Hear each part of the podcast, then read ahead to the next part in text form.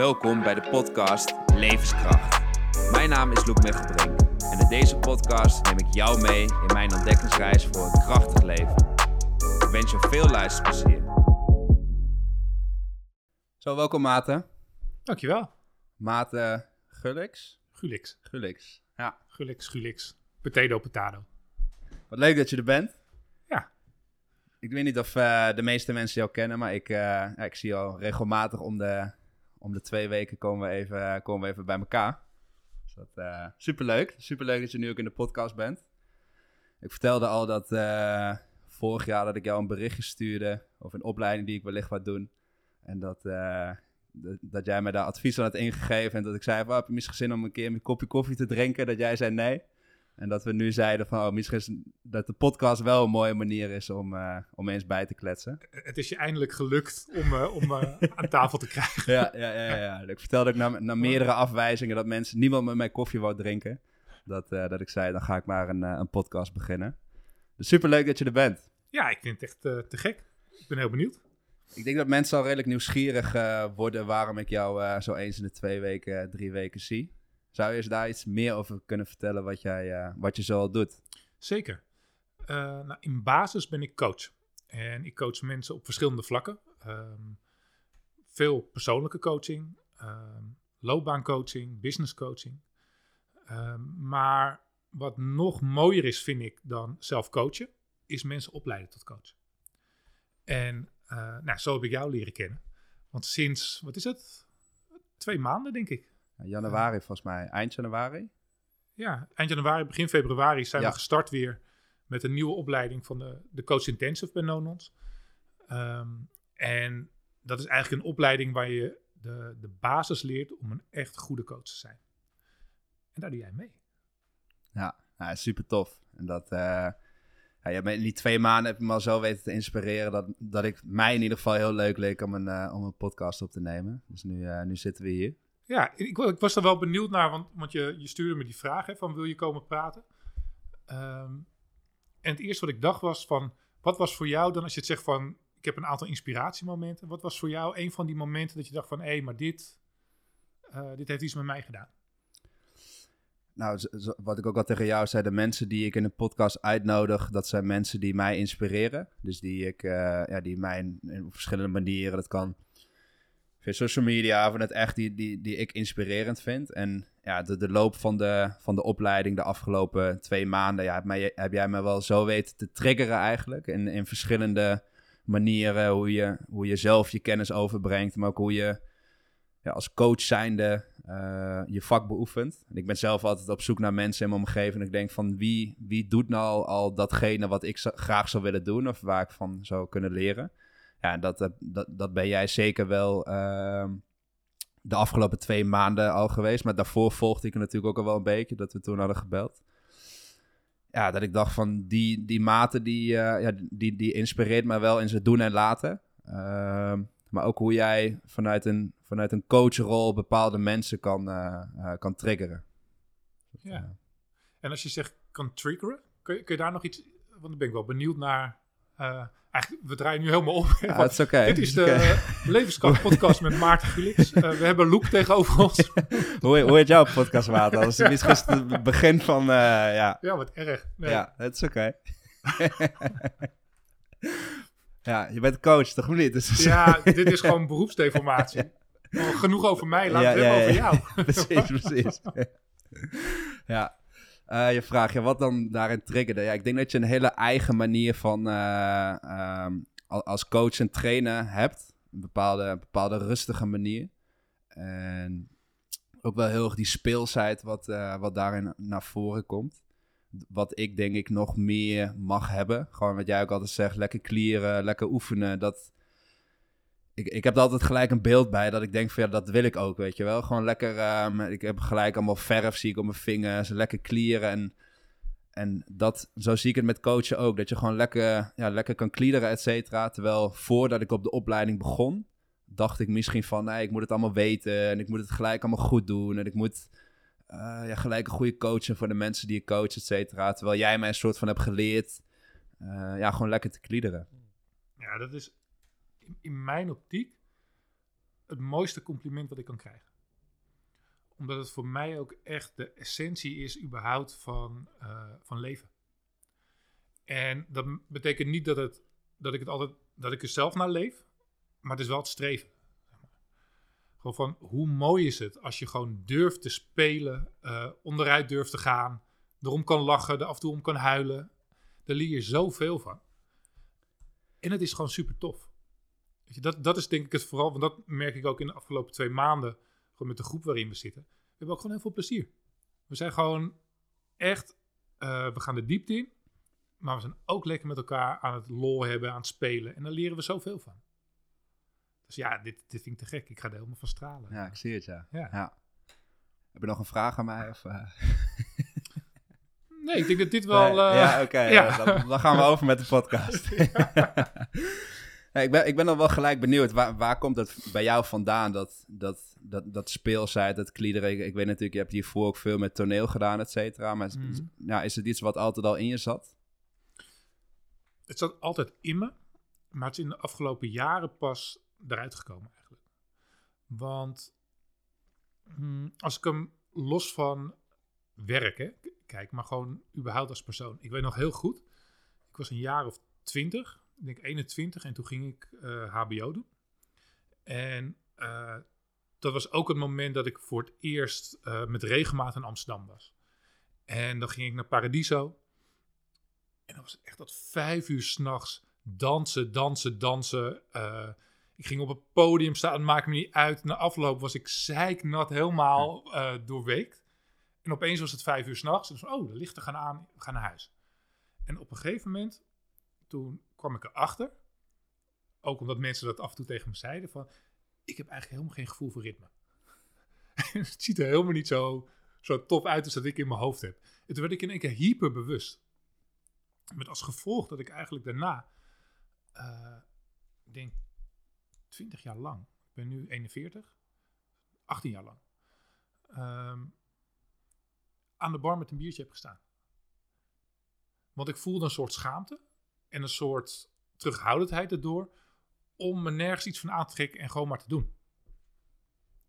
En uh, ik denk in de afgelopen vijf, zes jaar, misschien wel iets langer, um, ben ik steeds meer over mezelf gaan leren. Maar ook veel meer over uh, wat vind ik leuk, wat vind ik belangrijk, uh, waar zit schaamte op en hoe kan ik daarmee omgaan? En ik had afgelopen zomer, het was voor het eerst sinds die periode, dat komt ook omdat er zat corona natuurlijk tussen, dus je had niet echt uh, feestjes en zo. Uh, maar er was een bruiloft, was in september, en toen mocht even alles weer. En toen heb ik bij mezelf ook echt afgesproken van, fuck it. Gewoon wat je ook gaat doen, je gaat gewoon dansen zoals je wil dansen. En toen ben ik helemaal losgegaan. Gewoon zonder dat ik bezig was met wat anderen vinden of doen. En de tijd vloog weer voorbij en ik had echt de tijd van mijn leven. En dat wat ik nu pas met, met dansen durf, zeg maar. Uh, dat heb ik met werk al eerder kunnen doen. Dus voor mij was de, eh, het besef van, hé, hey, ik voel, ik wil iets, maar er zit een weerstand op. Wat zullen anderen wel niet denken of hoe moet ik daarmee omgaan? En dat hield me zo tegen. Terwijl um, iets doen, iets proberen, spelen, knoeien. Uh, het gaat mis, uh, irritatie, erover praten. Ermee om. Daar zit ook zoveel kwetsbaarheid en intimiteit in. Dus je leert er zoveel van. Um, nou weet ik niet helemaal of dit een antwoord op je vraag was. Um, maar dat is in ieder geval wat voor mij de essentie is waarom het zo belangrijk is. Ja. Gewoon, um, we laten ons zo tegenhouden door, vaak door schaamte en door angst eigenlijk voor het kwetsbare. Maar dat zie je ook bij die opleiding. Op het moment dat jij die kwetsbaarheid toont.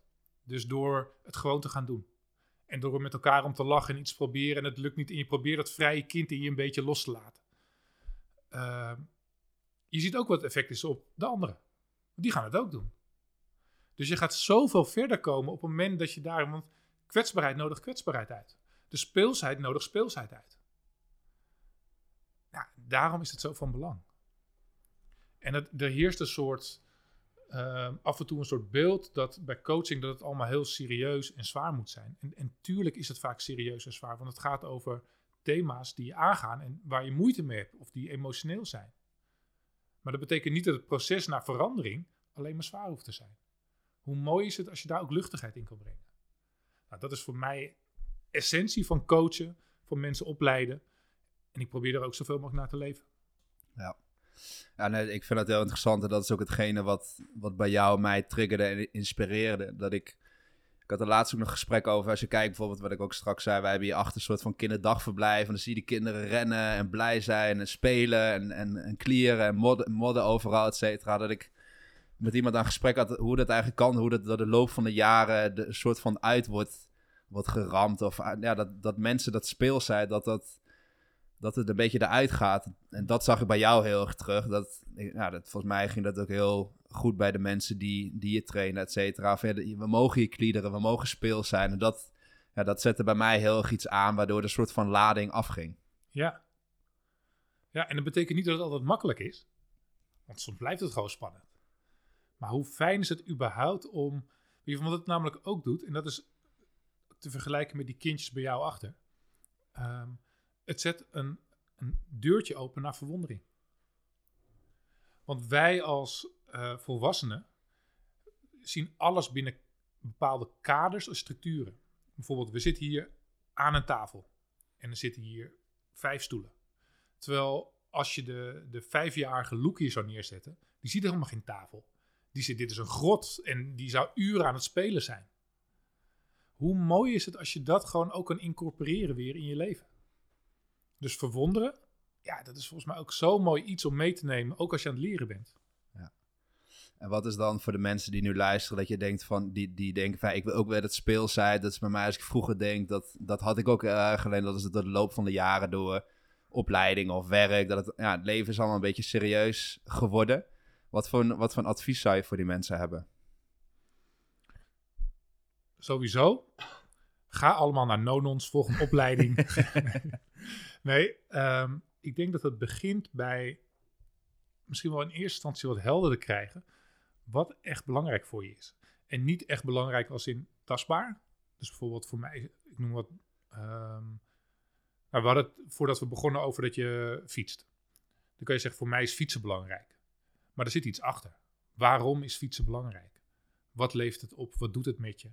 Ehm, dus op het moment dat je meer erachter kan komen eh, wat voor jou echt waarden zijn of, of kernelementen waar je van aangaat, waar je een twinkeling van krijgt. Ja, daar zit al zoveel. Want als je die helder hebt, dan kan je vanuit daar redeneren en hoe kan ik daar op dit moment invulling aan geven. En dan wordt die ook wat duurzamer. Want anders kan spelen soms ook, en dat is helemaal niks mis mee, maar dan kan spelen ook gewoon zijn van in een moment iets doen. En de ene keer lukt het en de andere keer niet. Maar hoe mooi is het op het moment dat je bijvoorbeeld nou, voor mij is ehm, creativiteit een, een superbelangrijke waarde. Ehm, hoe ik daar nu probeer in te spelen dus en in te knoeien, dat is door ehm, piano te leren spelen. Wat ik eigenlijk helemaal niet zo goed kan. Maar ik ben het gewoon autodidactisch een beetje aan het, aan het leren. maar ook door, uh, ik ben net begonnen bij Crazy Monkey. Dat is een uh, soort movement achtige school. Om veel meer met je lichaam bezig te zijn en te exploreren. Wat kan mijn lichaam allemaal? Met als doel dat ik dat weer kan inzetten naar mijn kindjes. Ik heb een tweeling van anderhalf. Om weer met hun te kunnen spelen. Maar dat komt allemaal voort uit die behoefte van aan de ene kant creativiteit. Maar nu ik het zo zeg, ook verbinding. Want ik wil ook met mijn meisjes, uh, het zijn twee meisjes, uh, hoe leuk is het om samen piano te kunnen spelen? Of samen als een beer door de kamer te lopen en ze een ratslag te leren op een gegeven moment. Nou, dat soort dingen, om die wat helder te krijgen, waarom doe je het? Dan wordt het al makkelijker om stappen te zetten, volgens mij. Het is niet dan in één keer opgelost, want het kan nog steeds zijn dat je een belemmering voelt van, oh, maar zo hoort het niet, of wat zullen ze wel niet denken. Maar het wordt in ieder geval makkelijker omdat je weet, waarom wil ik het überhaupt doen? Ja. Dus dat is stap 1. Ja, en ik denk aanvullend aan dat, dat, dat de omgeving daarin ook wel echt belangrijk is. Dat bijvoorbeeld als we kijken, we hebben nu ook over no-non, zodat we daar uh, elkaar van kennen. Maar dat je ook een bepaalde omgeving creëert waar dat speelsheid naar voren mag komen. Dat je op je bek mag gaan, dat je mag fouten mag maken. En dat je daardoor ook een soort van relaxedheid ervaart binnen de, binnen de groep. En dat, uh, wat jij ook zegt bij dat Crazy Monkey, dat is meer een beetje ieder portaal-achtige dingen, denk ik. Ja, daar, daar is het ooit uit ontstaan. Volgens mij zijn ze niet meer volledig geleerd aan, maar dat is wel de, de kern. Ja. ja. Maar dat je ook, ja, daarbinnen wellicht ook een omgeving is gecreëerd waar dat speelsheid heel erg naar, uh, naar voren kan komen. Ja. Dat, uh...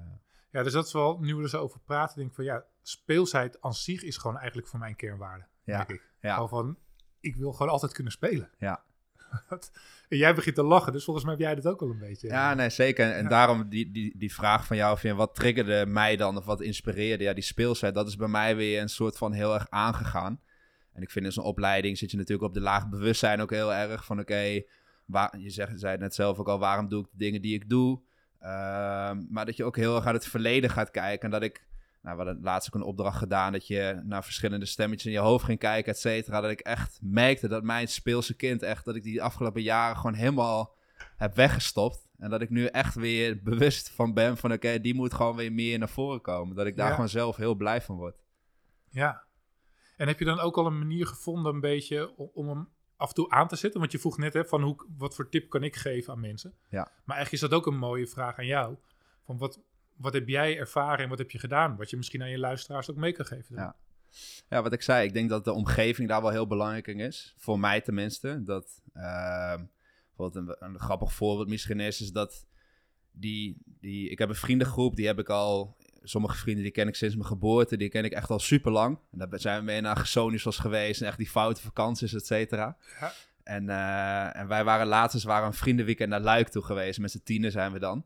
En dat ik, dat ik bij me merkte dat ik, dat, dat ik weer met hun was. En gewoon in die omgeving en die vrienden. Dat bij mij opeens dat hele speelse kind weer naar voren kwam. Op een gegeven moment hing ik op zijn kop aan de bar aan zo'n paaldans dingen. Zo weet je wel. Dat ik echt denk, waarom? Hoe, waar komt dit opeens vandaan? Want dat ik later ook toen we die opdracht ook deden. Dat ik dacht van, het is toch wel een soort van trigger ook wel weer. Van die omgeving. Het is voor mij ook gewoon een hele speelse omgeving met die jongen. Zo lekker gezellig. Ja. Uh, dus ik denk dat de omgeving daarin heel belangrijk is. Maar ook bijvoorbeeld afgelopen weekend was ik even naar mijn ouders toe geweest. En die wonen in de Achterhoek. Ja, daar gewoon lekker het bos in. Uh, ja, niet per se dat ik dan in bomen te ga, uh, ga klauteren. Daar ben ik veel te groot voor. Maar wel gewoon echt dat ik merkte dat die natuur, et cetera, dat het ook weer een soort van ja, speelsheid bij me oproept. Dus ik denk dat de omgeving daar wel heel belangrijk in is. Ja, en waar ik gelijk door word getikkerd als je zegt van ik ga niet in bomen klimmen, want daar ben ik te groot voor. denk, waarom zo ben je te groot voor in bomen klimmen? Hoe tof is het om in bomen te klimmen? Ja, nou, daar heb je gelijk in. Misschien. nu je zegt bomen, ik denk gelijk van ik, ik kom zelf uit Haarlem-Noord en het ligt tegen Zandpoort aan. En daar heb mm. je een heel mooi duingebied, Duin en Kruidberg. Oh, de volgende keer dat ik erheen ga, ga ik echt lekker weer in bomen klimmen. Ja. Hoe leuk is het om in bomen te klimmen? Ja. Ik was vroeger altijd heel goed in bomen klimmen. Naar beneden gaan, dat was echt een hel. Dus ik heb heel vaak dat mijn ouders moeten roepen, ook als ik op dakjes ging klimmen.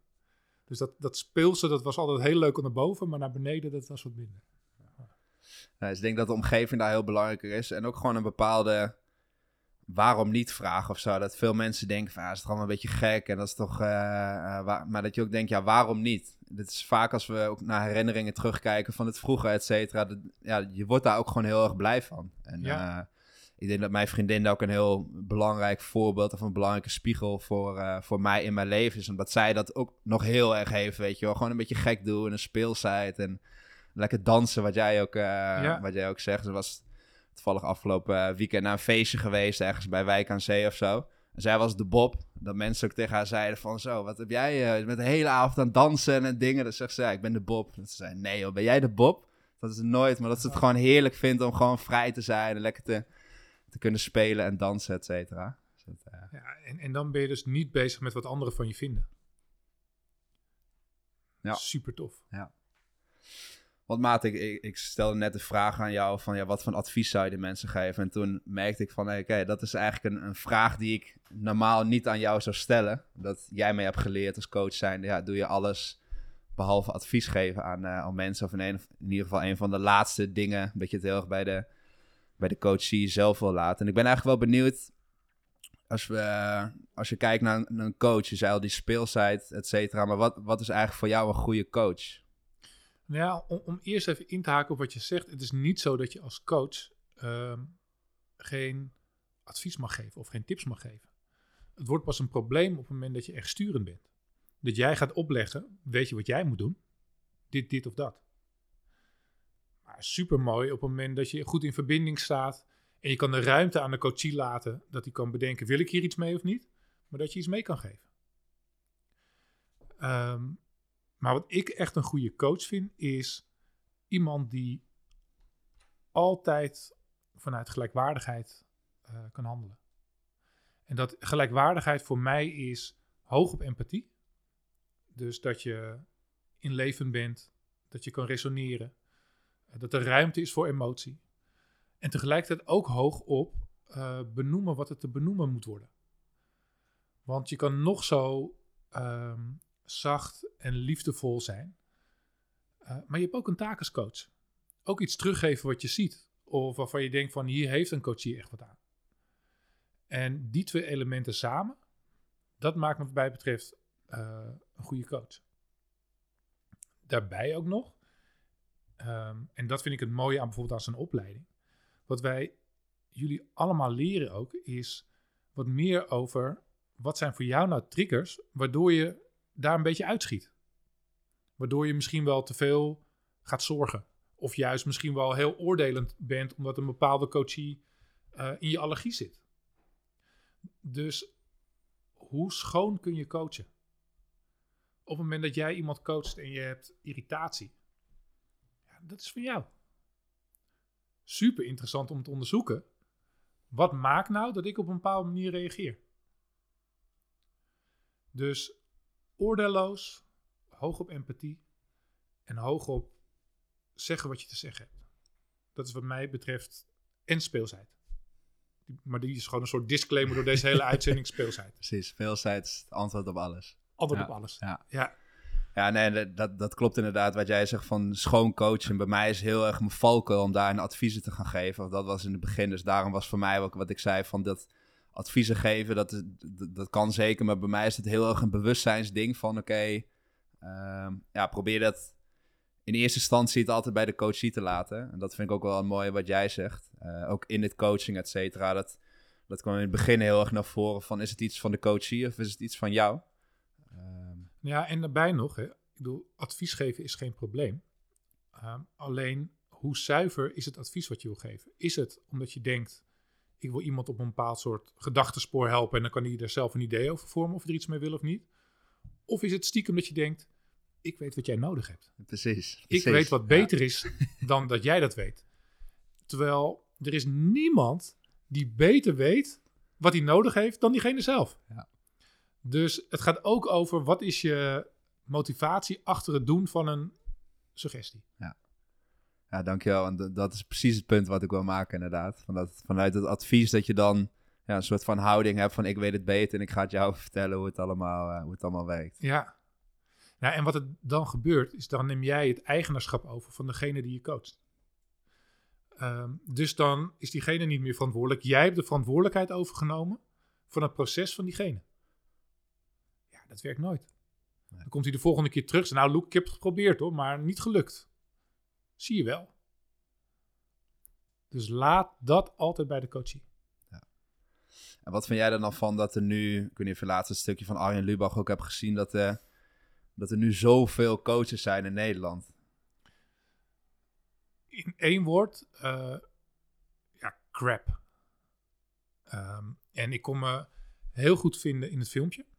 Trouwens niet in alles, maar wel dat ik dacht, ik snap dat hij bepaalde dingen kort door de bocht neemt het is ook satire. Uh, en je kunt geen satire bedrijven met nuance. Um, maar als je kijkt naar de cijfers, dat uh, er zijn, dat was dan in dat, in dat filmpje kwam het naar voren, bijna 100.000 mensen die zich coach noemen. Uh, en ik denk dat het dan 100.000 mensen zijn die zich in hebben geschreven bij de Kamer van Koophandel. Dus misschien zijn het er nog wel meer. Iedereen mag zich coach noemen als je buurvrouw of buurman nu denkt van, nou weet je wat, ik wil coach voor, nou, coach. Terwijl als je dan kijkt hoeveel mensen zijn aangesloten bij uh, een beroepsorganisatie, de NOPCO, dus de Nederlandse uh, Orde van Beroepcoaches, Dat zijn er volgens mij rond de 5000. Dus dat betekent dat 95.000 mensen dat niet zijn. En om aangesloten te zijn bij zo'n beroepsvereniging, ehm, moet je kunnen aantonen en dat je ervaring hebt. Dus een x aantal coachuren, middels reflectieverslagen. Of, of dus maar je moet ook een opleiding hebben gedaan. Dus het kan best zijn dat van die 95.000 er heus wel een paar zijn die opleidingen hebben gedaan en zich gewoon niet hebben aangemeld. Maar als we het ook even kort door de bocht nemen, zijn dus eigenlijk zo'n groot aantal wat zich gewoon coach noemt. Ja, dat is zo schadelijk voor ons coachvak. Dus ik zag dat item en ik moest enorm lachen. Want ik vond het en grappig en spot on. Maar het was ook een beetje als een boer met kiespijn. Omdat ik denk van ja, dit heeft ook met profileren te maken. Of met uh, beeldvorming van hoe coaches worden gezien. En hoe zonde is het dat iets wat in mijn optiek het mooiste beroep van de wereld is. Eigenlijk door uh, een stelletje prutsers uh, zo'n negatief beeld krijgt. Dus mijn, ik zie het ook echt als mijn taak wat dat betreft, om daar uh, tegenwicht in te bieden. En die taak zit hem in het geven van opleidingen, maar ook in het ontwikkelen van opleidingen. In, uh, ik ben nog niet sinds hele lange tijd, maar sinds een tijdje ben ik uh, ook social media meer gaan inzetten ook om kennis te delen naar coaches toe. omdat ik echt zie van dit is het mooiste vak van de wereld. Alleen uh, er moeten echt nog wel stappen gezet worden in, in die beeldvorming erin. En eigenlijk, ja, het is geen beschermd beroep en dat maakt het zo lastig. Ik merk dat ik hele lange antwoorden geef op je vragen. Is dat... ik vind het fijn. Ik, uh, ik zit lekker te luisteren. Dat, uh... En je kan alles editen natuurlijk. Ja, precies. Ik bedoel, uh, knippen gewoon een paar dingen. Uiteindelijk wordt gewoon ja, nee. ja, nee, ik vind het juist fijn dat... ik ben aandachtig aan het luisteren. Omdat ik het oprecht ook een heel interessant onderwerp, onderwerp vind. Ik ben ik ben misschien nu al wel tien jaar uh, dat ik ook personal training geef. Dat is ooit vanuit een, vanuit een passie ontstaan dat ik mensen ging trainen. En toen daarna heb ik wat verschillende opleidingen gedaan. Een master bewegingswetenschappen gedaan in de VU. Uh, wat opleidingen uit Amerika en, en Australië, et cetera. Dus ik, ja, ik voor mezelf wel, en dat vind ik nog steeds een gedegen uh, personal trainer. Ik kan mijn klanten goed helpen. Maar voor mij was het eigenlijk al gelijk een hele grote irritatie dat iedereen kon personal trainer worden. En toen hing er ook echt wel een soort van stigma op van, oh ja, uh, Luke de personal trainer, niet per se ik, maar toen, zeven jaar geleden, als ik aan mijn schoonfamilie uh, vertelde, ik ben personal trainer, dat ze zeggen, je hebt een master gedaan en dat soort dingen. En nu zie je wel zie ik daar wel een soort verandering in. Dat mensen gezondheid steeds belangrijker vinden. Corona is het ook een belangrijk uh, onderdeel geweest. Dat mensen ook wel echt zien van ja, die mensen zijn ook echt met gezondheid bezig. En het gaat niet alleen mee, meer om dikke bosplaten en een, en een sixpack. Het gaat echt om gezondheid. Um, en toen ben ik sinds een aantal jaren ben ik me steeds met het coachvak gaan uh, verdiepen. Omdat ik buiten het fysiek ook andere gezondheidsgebieden steeds interessanter vond. Het mentale, het emotionele, het spirituele. Uh, alleen toen zag ik daar eigenlijk weer hetzelfde probleem. Van die personal trainers. Er waren zoveel personal trainers. Ik zag echt mensen oprecht in de sportschool die geen idee hadden wat ze aan het doen waren met klanten. Maar de klant is een soort van onwetend. Die denkt van ja, hij heeft personal trainer op zijn rug staan. Dat, dat, uh, dat zal wel goed zijn. Dus daarom was ik heel benieuwd hoe jij daarover denkt. Uh, ja, binnen het coachvak. Omdat ik nu dus van jou ook heel erg leer.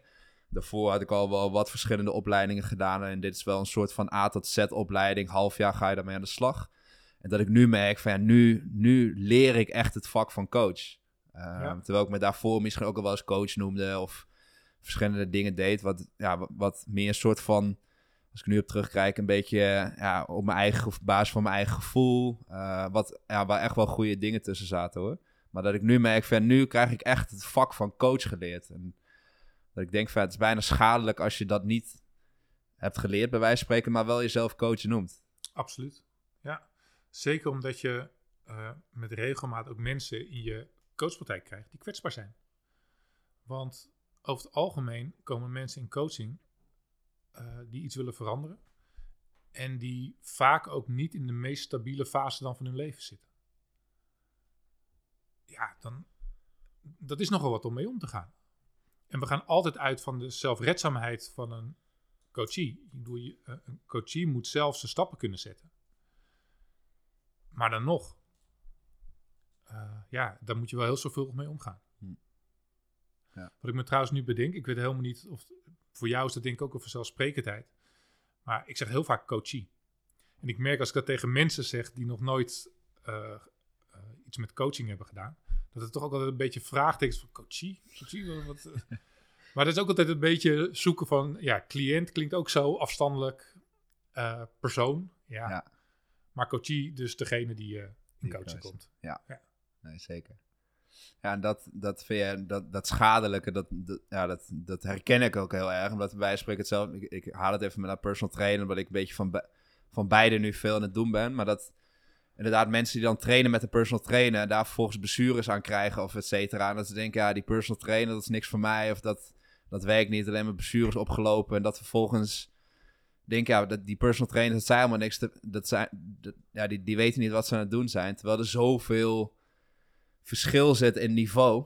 Eh, en, ja, en ik denk dat het met, met, met coaching bij wijze van spreken hetzelfde is. Absoluut. En er zit heel veel verschillende niveau, maar ook in verschillende stijlen. En eh, verschillende methodieken om mee te werken. En dat vind ik ook het fijne van de opleiding die jij ook volgt. Is dat het, zorgt echt voor een basis. Dus het is niet dat we zeggen, we volgen alleen bijvoorbeeld NLP. Of we volgen alleen ehm, transactionele analyse. Of noem maar een methodiek. Dit is echt bedoeld van, na die opleiding eh, is het belangrijkste dat je je basishouding als coach gewoon goed hebt. Dat je weet hoe je coachende vragen kan stellen. En daarna zit je hele rugzak vol met allerlei oefeningen en methodieken. Maar het gaat echt om die basis. En vanuit daar kun je dan weer verder verdiepen en misschien wel specialiseren in bepaalde dingen. Maar die basis is wel echt nodig. En wat motiveerde jou ooit om coach te worden? Nou, ik, mijn achtergrond zit in de creatieve sector. En ik was eh, tijdenlang eh, met name zakelijk leider, interim zakelijk leider, eh, interim directeur voor allerlei kleine tot middelgrote eh, culturele instellingen. En op een gegeven moment was ik daar echt helemaal klaar mee.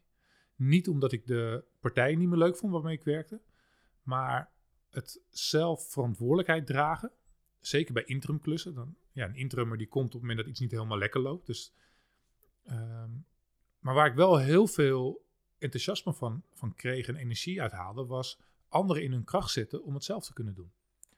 En toen begon ik met adviseren. Dus puur als het gaat over businessplannen, subsidieaanvragen, marketing, eh, nou ja, zo. Maar 9 van de 10 keer speelde er iets persoonlijks. Bijvoorbeeld, dan kwam ik bij een, ehm, een poppodium. En dan eh, dacht ik dat ik kwam om het meerjarenplan samen vorm te geven. En het bleek dat de artistiek directeur en de zaakdirecteur niet met elkaar door een deur kunnen. Ja, was opeens, moest ik daar iets mee. Ja.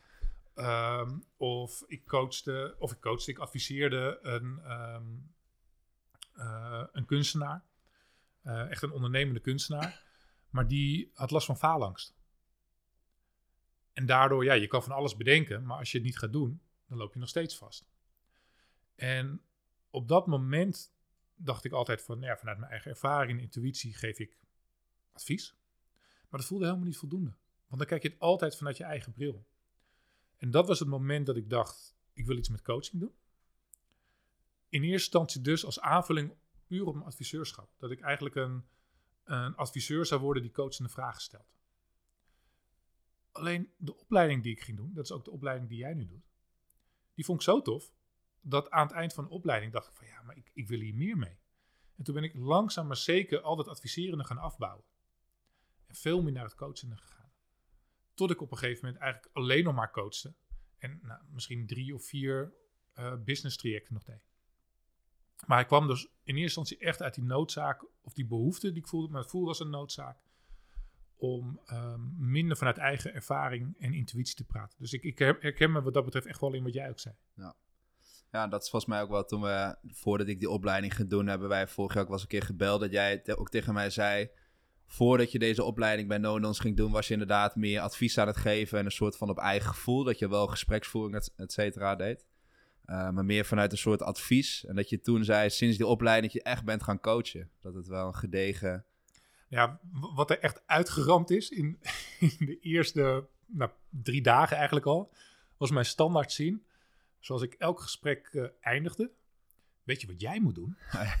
Echt Zo, eh, maar ik wist wel hoe het zat. Zeg Ja. maar. Ja, dat bedoel ik ook een beetje met het advies geven. Dat was voor mij, dat resoneerde bij mij ook heel erg, omdat dat ook een beetje mijn zin was inderdaad. Van oké, we hebben een leuk gesprek gehad, maar nu, nu ga ik je wel even vertellen hoe... precies. Ja. Ja. Ik, ga, ik ga wel even vertellen hoe jij je leven op orde gaat krijgen. Precies. Ja. Ja. Ja, nee, dus dat, eh, dat was echt voor mij eh, de, de, grootste, de grootste winst uit die, die opleiding. En vervolgens, als, weet je wat ik net vertelde over die, die kwetsbaarheid en dat speelsheid, die is denk ik veel meer nog losgekomen, want daarna heb ik nog een opleiding eh, gedaan, de expertopleiding, ook bij Nonons. Ehm, en daar durfde ik, eh, heb ik veel meer geleerd om mijn kwetsbaarheid te omarmen en de intimiteit te omarmen. Ehm, en dat was geweldig voor mijn privéleven. Want ik ging in één keer hele andere gesprekken voeren met mijn vriendin of met, mijn, met andere dierbaren. Maar daardoor is er echt een luikje afgehaald van schaamte op kwetsbaar zijn. Nou, en dat heeft zo'n effect gehad op mij als coach. En daarmee dus ook op mij als opleider. Van Brene, Brene Brown. Brene Brown, die heeft er volgens mij ook een mooi eh, stuk van op Netflix. En ook eh, heeft een TED-talk over gegeven over de kwetsbaarheid. Ja. Ja op, Netflix heet die geloof ik eh The Power of Vulnerability. Ja, Ik, ik, ik weet het niet precies, maar ja, dat is echt een aanrader. Ik, ik weet niet of je show notes hebt. Nee. Ah. Zorg dat je show notes hebt. wat is dat? Nou, show notes, dat is, ehm, dan kan je achteraf eh, in de, de omschrijving van de aflevering, kan je linkjes zetten. Dus alles waar we over praten, kunnen mensen dan op doorklikken. Oh, op die manier. Ja, ja, nee, sorry. Moet ik jou nou vertellen wat, hoe een podcast werkt, Luc? Ongelooflijk. Ja, nee, ik zit te denken show notes. Ik denk, jij hebt iets op Netflix dat je een of andere eh, notities bij een Netflix-ding kan maken of zo. Nee, die heb ik zeker, ja. Je bedoelt de beschrijving in de... Nee, die Oh, heb dat is, ik, ja, in, in goed Nederlands show ja, notes. precies. Ja, ja, ja, ja, ja. Jij bent heel internationaal bezig al natuurlijk. Precies. Ik ben, eh ben eigenlijk maar een simpele Nederlandse jongen gewoon. Ik Uit de Achterhoek. Uit de Achterhoek. Ik ga het in de beschrijving zetten, maat. Het linkje naar eh Brene Brown. Ja, ja, en dat is wel eh, haar. z- zij heeft één element erin. Uit, uit in die Netflix-serie die zo krachtig is. Ehm, en dat is eigenlijk een soort magische zin. En dat is het verhaal wat je jezelf vertelt. Hmm. Dat je jezelf van alles wijs kan maken. Over hoe een ander je ziet. Of ehm, wat een ander van je vindt. Maar dat speelt allemaal af in ons hoofd. En dat houden we bijna altijd voor onszelf. En de kern eigenlijk van, van die eh, documentaire, of tenminste daar doe ik er veel te kort mee maar een van de dingen die ik eruit heb gehaald is echt, ehm, het vergt moed om kwetsbaar te zijn. Maar het nodigt ook uit aan de ander om ook kwetsbaarheid te tonen, waardoor er veel meer verbinding is. En dat is mooi voor eh, je relatie, of het nou een romantische relatie is, of vriendschappelijk of familiair. En het is ook mooi in je werk. Want dat zal je ook zien, niet alleen als jij aan het coachen bent, maar ook op het moment dat je de personal training geeft. Of op het moment dat je ehm, je eigen trainingen geeft. Want ik zag dat je laatst weer een, eh, een levenskracht, eh, Hmm. ook als opleider, om, om daarin je kwetsbaarheid te kunnen laten zien en daarin uit te nodigen. Dan gebeuren er zulke mooie dingen. Nee, dat is zeker. Die, die, dat heb ik ooit van iemand meegekregen. Ooit niet per se van iemand geleerd of zo. Maar ik- dat was voor mij zo'n inspiratieding. Toen, toen was ik ook op een opleiding. En die, die man die begon. Was, had hij nog niks verteld. En toen, toen vertelde hij iets van: ik ben, eh, ik ben Jan. Hij heette niet echt Jan, maar hij zegt: Ik ben Jan. Eh, en, door de week ben ik Jan. En in het weekend was hij dan Bianca of zo. Weet je wel. Dat hij zei: van, Ik vind het nu heb ik mijn normale kleren aan. Maar in het weekend vind ik het heerlijk om make-up op te hebben. En doe ik allemaal gekke kleding aan. En het was opeens gewoon, die hele lading was er gewoon af. Dat iedereen een beetje daar zat van, oh, ik kom opleiding volgen. En ik kom even opeens... Hij stelde zich zo kwetsbaar op, maar gewoon op een hele mooie manier. Van, oké, ja, ik ben, was ook gewoon een, een flinke gast, weet je wel. Zag er wel stoer uit. Eh tattoos, en zeggen, ik ben Jan, maar in het weekend ben ik Bianca. En zo begon Ja. die. En dan was het opeens, als je later ook keek hoe die opleiding verliep, et cetera. Dat was zo, iedereen stelde zich opeens zo kwetsbaar op. En alle verhalen kwamen omhoog. De mensen ook zeiden, ik weet niet waarom ik dit vertel. Maar ik heb het eigenlijk nog nooit tegen iemand verteld. Maar ik vertel het nu wel tegen jullie. Dat ik echt dacht van, wauw. Dat is wel... eh, Maar dat klinkt dus ook wel als iemand die echt wel een impact op je heeft gehad. dan. Ja, nee, zeker. zeker. En dat is voor mij ook, want ik doe natuurlijk die, die seminars levenskracht. Voor mij ook wel een hele belangrijke, dat ik in het begin ook dacht van... hé, hey, misschien had ik een soort van overtuiging van ik, ik moet daar krachtig staan. Ik zelf levenskracht uitstralen. Uh, maar dat ik ook dacht van nee, ik, ik mag ook gewoon kwetsbaar zijn. Ook voor, voor zo'n groep, et cetera. En dat, uh, ja. En dat is in mijn optiek ook levenskracht. Bedoel, en kwetsbaarheid kunnen tonen, maar ook levenskracht is volgens mij ook... Um, af en toe is het leven gewoon ruk. Af en toe voel je je belabberd. Af en toe ben je verdrietig. Af en toe ben je gefrustreerd. Het is ook hoe je daarmee omgaat. Maar het, het wegduwen of de schijn ophouden en het niet laten zijn, dat is in mijn natuurlijk ook helemaal geen levenskracht. Nou, dat was eigenlijk mijn volgende vraag. Wat betekent levenskracht voor jou? Uh, het, het, staat erop recht hoor. Ik, ik okay. had, hij was een, ja, een puntje van mijn tong. Dus dat, uh... Ja, ja dat, dat is um, mijn optiek dus levenskracht. En, en dat betekent niet dat het makkelijk is.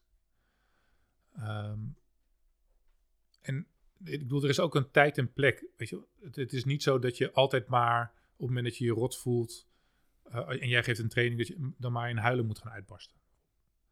Dus je, je, kunt ook kiezen van wat wil je laten zien, wat wil je vertellen.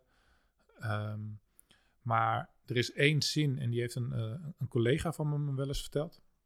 Even shout-out, Marielle Rumpf. Die, uh, daar heb ik heel veel van geleerd, namelijk als, uh, als opleider.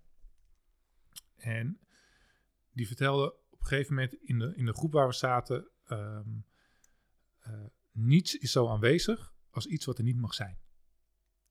En dat kan iets heel groots zijn en iets heel kleins. Om een voorbeeld te geven, um, ik moest, ik denk, het was ongeveer een maand geleden, toen was er een, uh, een dag dat ik uh, moest opleiden.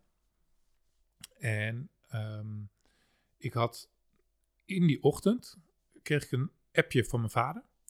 Dat zijn broer, mijn oom, was overleden. En dat deed wat met me. Um, want ik, ik vond mijn oom is een hele lieve man.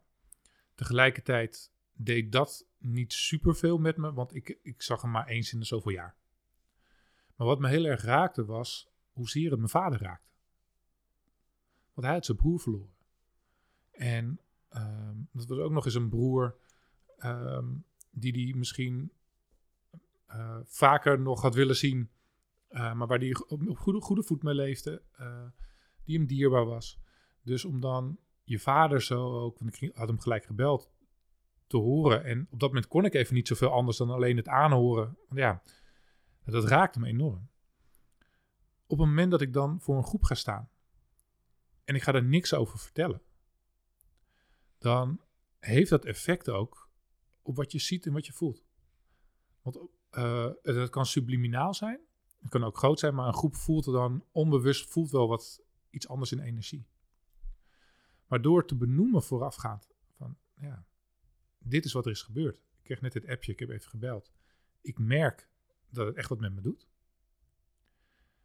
Ik heb op dit moment niet iets van jullie nodig. Maar wat ik wel nodig had was om dit te delen, want dan mag het er zijn. Dus dan weet ik ook van ja, vandaag zit ik misschien wat lager in mijn energie. Jullie weten het ook, dat is dan bijna het contract wat we afsluiten. Dus dat is op, op een wat grotere manier. Hij kan ook wat kleiner zijn. Ik had laatst een andere groep. En uh, wat ik heel leuk vind, wat me heel veel plezier geeft, is om in pauzes uh, handstands en ratslagen te doen. Dat, uh, dat geeft een soort frisse energie. En ik, deed, ik, ik had hele uh, zware, mooie schoenen aan. Ik deed een ratslag en ik hoor... En de helft van mijn schoen was uitgescheurd. En ik zat de hele tijd van... Dus, dus ze kwamen bijna terug naar de lunch. Ja, dan gaan ze dat zien. En dan denken ze, wat een sloeber. Of wat is de... Uh, maar dat is dus ook van niets is zo aanwezig als je mag zijn. Toen heb ik ook gewoon gezegd van... Hé, hey, luister, ik was net een ratslag aan het doen. Dus uh, ik ga dit nu vertellen. Want anders dan uh, ben ik net bang dat ze denken van... Oh, ze kijken naar mijn schoen. Maar ik ben uit mijn schoen gescheurd. Dus hoe we hierop kwamen was volgens mij van... Wat is voor mij levenskracht? Levenskracht is dus niet altijd alles tot in details hoeven delen. maar wel ruimte aan te geven van wat er moet zijn. Jezus, wat een lang antwoord, hè? Ja, het, is, het is mooi, Maarten. Ja, ik ben aan het genieten. Nou, dat, is, dat is fijn om te horen. Af en toe hoor ik mezelf praten en denk van... Oef, wat moet je gefocust zijn om hierbij te blijven. Dat, Ja, ik, eh, ik hang aan je lippen. Ik weet niet of het voor de luisteraar is, maar eh, ik zal even een poll in de show notes zetten. Dan, wat vonden we van Maarten? ja. Ja. Mooi. Hey, ik ben wel, ik ben wel benieuwd. Wat ik straks ook zei, er zijn, ja, ik nodig altijd mensen uit die, die mij inspireren in hetgene, eh, of ja, in hetgene waar ik zelf mee bezig ben. Eh, heb jij ook bepaalde mensen die, of vanuit je verleden of op dit moment, die als een soort inspiratiebron slash voorbeeld, die maken dat jij hetgene doet wat je vandaag de dag doet? Zeker. Ehm, er zijn een aantal eigenlijk.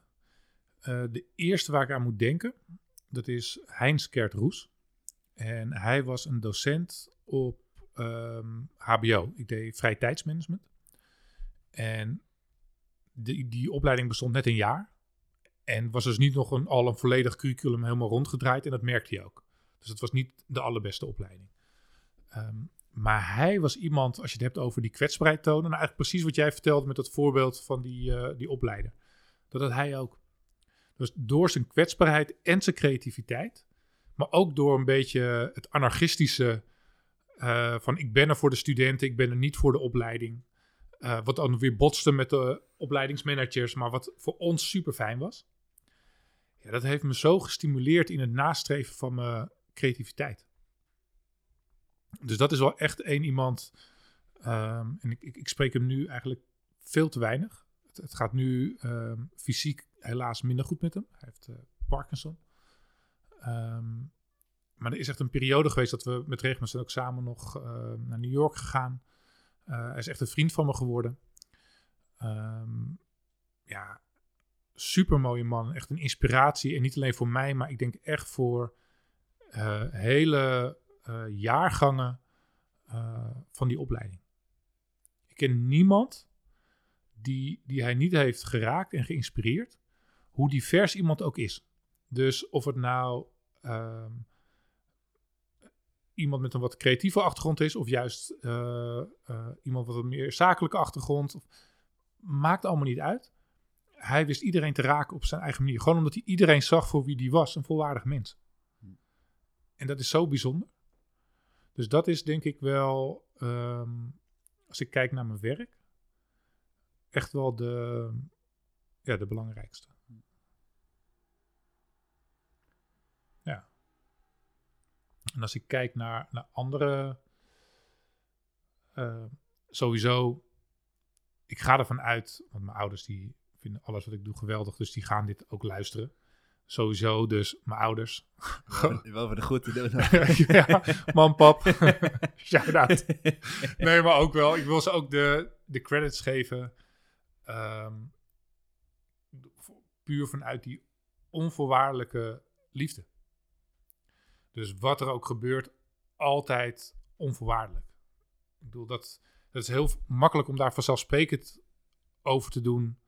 eh, en daar overheen te stappen, gewoon vanuit een soort onbewustheid. Maar het is natuurlijk hartstikke bijzonder.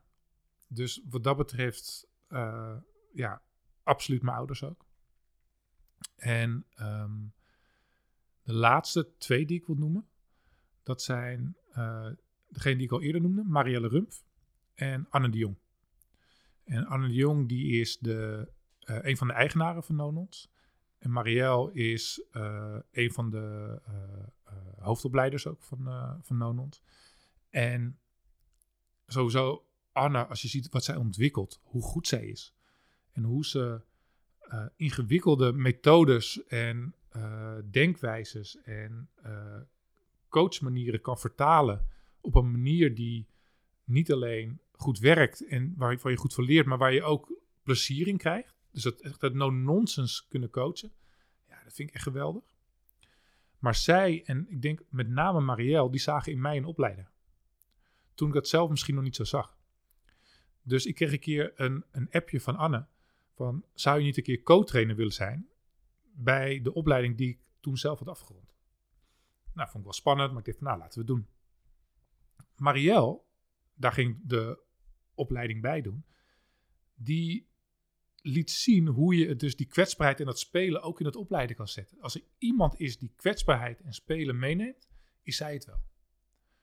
En daarin heeft ze me gestimuleerd, maar ze heeft me ook echt de ruimte gegeven van... en ga jij maar deze dag doen? Of bereid jij dit voor? Of ga, ehm, laat deze methode zien, doe een demo voor de groep. Of, dus dat die onvoorwaardelijke vertrouwen, dat onvoorwaardelijk vertrouwen wat ik voelde van zowel Anne als Marielle, ja, dat heeft me echt vleugels gegeven. Hm. En daardoor is er een luikje opengegaan bij mij, waarvan ik niet eens wist dat ik het ehm, had. En namelijk dat ik opleiden het allertofste vind wat er is. Wat dat betreft ook, trouwens, dan moet ik ook echt... Nathalie, mijn vriendin, die zegt al jaren van... Ja, maar dat kan je toch gewoon heel goed? Of dat is echt iets voor jou? En elke keer zei ik van, nee, dat dat is echt helemaal niks voor mij. En toen ben ik het gaan doen. En toen kwam ik op een gegeven moment echt heel blij thuis van... Nou, volgens mij heb ik het gevonden. Ik moet gewoon opleider worden. Dat zij echt naar me keek van gast. Jaren heb ik dit gezegd. Dus wat dat betreft ook, ja, ook qua inspiratie, zij is wel echt, uh, als ik het heb over mensen voor lief nemen. Uh, het is heel makkelijk om degene met wie je dag in dag uit uh, bent, om, om daar makkelijk overheen te stappen, omdat je ja, minder, omdat het zo vanzelfsprekend is hoe iemand is. Maar zij is misschien wel de grootste inspiratiebron. Zo. Weer zo'n lekker lang antwoord. Nee, nee, dat is mooi om te, eh, te zien dat je mensen in je... Ja, wat, wat me opvalt, dat je, dat je veel mensen in je omgeving noemt die, die dichtbij je staan. Dat lijkt me heel fijn als je, ook al we het straks hadden, je omgeving, dat het een belangrijk iets is in hetgene wat je doet. Dat je bij wijze van spreken zelf een soort omgeving op je werk, thuis, uh, op, je, op je opleiding, wat je noemde. Uh, ja, dat je daar je heel erg je inspiratie uithaalt. Ja, en dat, maar dat is ook wel een, een zoektocht. En ik denk dat ik daarom altijd. Uh, ik, ben, ik ben iets van 19 jaar lang ben ik zelfstandig geweest. Dus tijdens de, de opleiding die ik volgde, had ik mijn eigen bedrijfje opgericht. Um, en ik wilde nooit anders. Ik denk met name dat dit dat intrinsieke was wat erachter zat. Ik was altijd op zoek naar, maar waar haal ik inspiratie uit? Waar kan ik um, van groeien? Waar kan ik van leren? Waar kan ik mijn creativiteit in kwijt? Maar waar, ook waar kan ik lol hebben en spelen? En ik had een soort uh, overtuiging. Dat kan alleen als je zelfstandig bent, want dan ben je flexibel. Hm. En wat ik het fijne vind nu ik uh, bij Nonons zit, is dat ik echt achter ben gekomen. Um, dat hoeft helemaal niet. Het gaat erom, waar omring je je mee? Um, dus nu heb ik ook in, uh, in, werk gewoon eigenlijk een vaste plek, wat ook heel veel rust geeft, van allemaal mensen die, die ik bewonder. Iedereen weer op zijn eigen manier. De een op zijn ondernemerschap, de ander op uh, het kunnen creëren en het bedenken van ideeën, de ander in hoe die opleidingen geeft of weer andere mensen kan inspireren. Maar er gaat geen dag voorbij dat ik denk van, hé, hey, wat interessant, hier kan ik wat mee. Ja, dat is te gek. Hm. Dat in mijn optiek is echt uh, geluk. En wat is dan het advies wat je, wat je jezelf zou geven? Uh, bijvoorbeeld, je noemt nu negen, afgelopen 19 jaar, maar je, je, je refereerde ook al terug naar de mate die, die 2021 was, die, uh, die aan het dansen was en uiteindelijk toch een, een, biertje aan de bar ging drinken. Ja. Wat is het, ik zeg altijd, mijn vraag is een beetje, wat is het advies wat je je tien jaar jongeren zelf zou geven? Uh, maar de tien jaar, dat, is, dat is, heeft een redelijk brede... Uh, hij zit tegenover een oude zak, wil je zeggen. Ja, dat, misschien probeer ik het wel. dat, dat bedoel ik eigenlijk wel te zeggen, maar ik denk, ga ik het dan zo heel straight zeggen. Uh, meer mijn vraag is, wat, het, wat is het advies wat je je jongeren zelf zou geven? Um, blijf spelen. Um, trek je niet te veel aan wat anderen van je denken. En omring je met mensen die je inspireren. En daar mag je wel wat van aantrekken. Ik denk dat. Uh... En kwetsbaarheid is oké. Dat was wel echt, dat is zo lang een thema bij mij geweest. Dat ik, dat ik daar echt een soort verbod op had, zonder dat ik het zelf wist. En waarom was dat? Mm. Ja, dat, dat wist ik dus niet zo goed. Maar het, het, was, het, het kwam voort uit dat ik moeite had um, als je kijkt, uh, als je kijkt naar mijn de afgelopen, uh, wat ik zei, ik ben dus 41. Maar als ik kijk naar de eerste 25, 30 jaar, iedereen uh, kon bij mij een luisterend oor krijgen. Dus als jij problemen had, nou, dan gaan we toch bellen. Dan gaan we uren praten. En huilen mag, alles mag. Dus iedereen mocht het behalve ik. Dus er zat een soort overtuiging bij mij van: uh, ik moet sterk zijn. Ik moet de redder zijn. Um, en um, dat ben ik gaan onderzoeken. Van A, waar komt het vandaan? Coaching hoeft echt niet altijd te gaan, vaker zelfs niet over waar iets vandaan komt. Het kan ook gaan over wat gebeurt er met me in het moment en hoe kan ik ermee omgaan. Maar in dit geval wilde ik echt eens onderzoeken van waar komt het vandaan. Uh, om het meer te begrijpen, om daardoor ook wat meer afstand ervan te kunnen nemen. Want anders blijf je soort handelen in een, vanuit een reflex. Dus voor mij zat de winst in er meer achterkomen van waarom handel ik zoals ik handel? En hoe kan ik daar bewuste keuze in maken wanneer ik dat wil inzetten of niet? Hoe moeilijk dat ook is. Mooi. En dat is door de loop van de jaren ben je daar. Is het een soort van open geklapt in je. Dat je daar. Ja, maar met horten en stoten. Want iets wat zo lang geïnternaliseerd is, ja, dat wordt een soort onderdeel van je levensscript. Hm. Zo, dit is wie ik ben. Dus alleen met het bewustzijn, ik wil het anders of ik zie het, ja, kan je niet veranderen. Dat is hetzelfde jij met sporten. Uh, als ik bij jou personal training kom en ik heb nog nooit gesport. En uh, dan zeg ik, ik wil graag uh, eh, 180 kilo deadliften. En we gaan erover praten. Ja, kan ik dan de volgende dag 180 kilo deadliften? Volgens mij niet. Nee, toch? Nee. nee. dus, ja, ik weet niet, ik heb je hoog zitten, maar... Uh...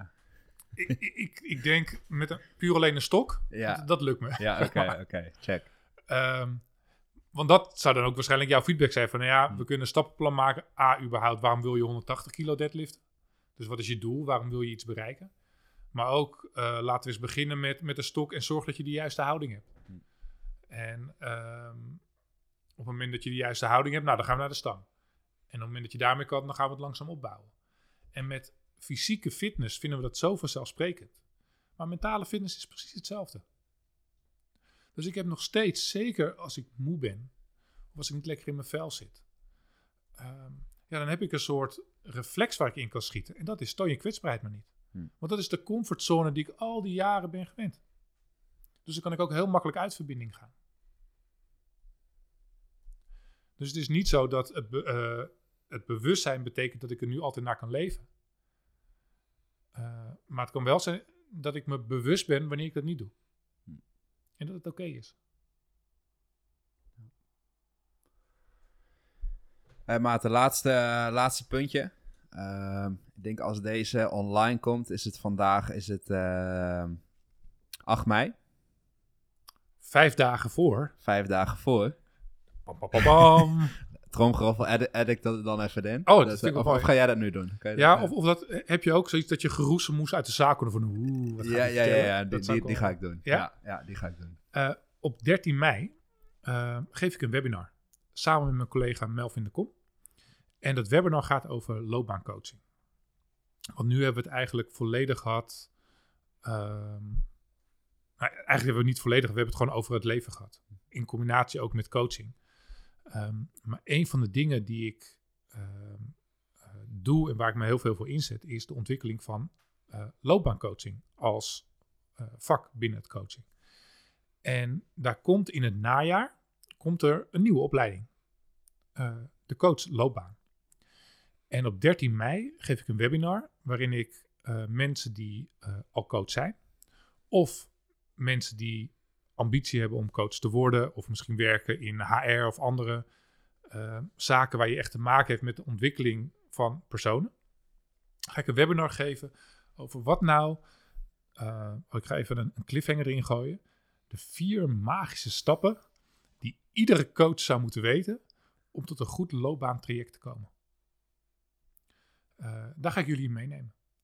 En niet alleen dat, maar ik heb ook, ik ben nu al een beetje begonnen met het uitzetten van wat uh, polls uh, op uh, socials. Um, ik ga ook wat vragen behandelen van coaches waar ze tegenaan lopen als ze bezig zijn met loopbaancoaching.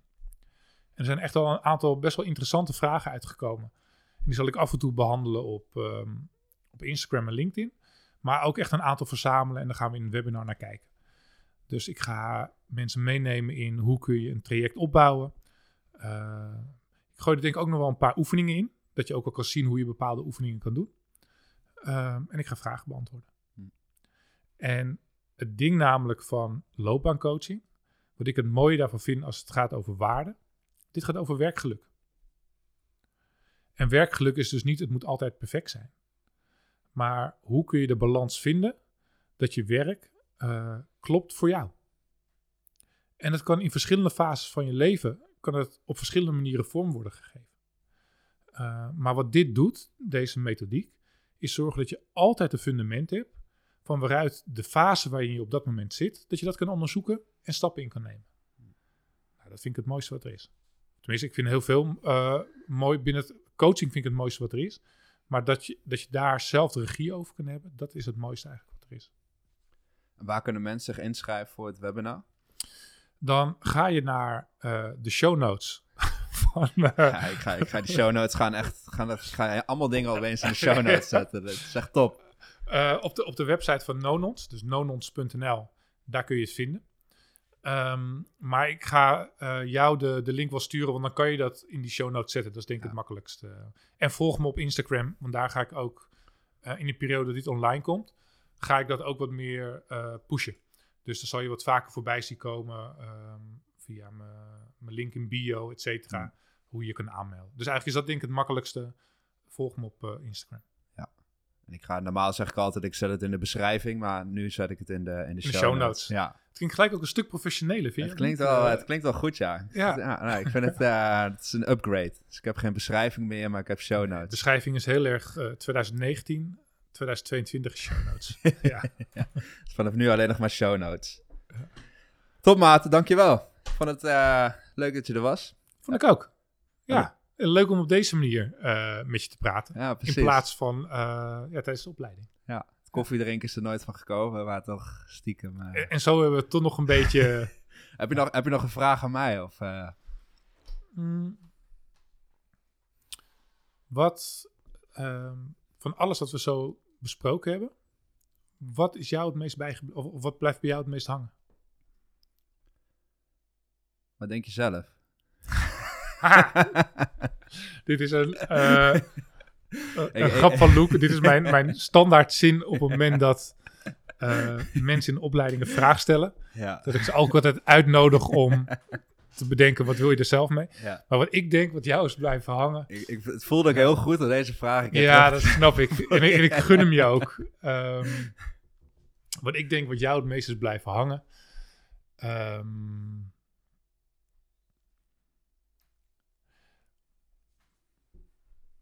Nou, sowieso. Maar dat was al eerder blijven hangen over van hoe kun je uh, op een oordeelloze manier coachen. Dus dat is niet zozeer uit dit gesprek. Dat het wel, um, maar ik denk dat het onderstrepen van het belang van spelen en knoeien. Um, dat dat een belangrijke was. En dat haal ik uit uh, de twinkeling in je ogen die ik een paar keer zag op het moment dat ik dat benoemde. Hm. Wat vond je van mijn educated guess? Nee, zeker die, die speelsheid, dat, uh, maar dat zat van tevoren al, maar dat is nu nog wel echt even bevestigen in deze, in deze podcast. Dat was zeker een, uh, een belangrijke. En wat ik heel mooi vond bij jou om te zien is dat je de mensen die je noemde allemaal uh, qua inspiratie, dat het allemaal mensen zijn die dicht, dicht in, je, in je omgeving staan.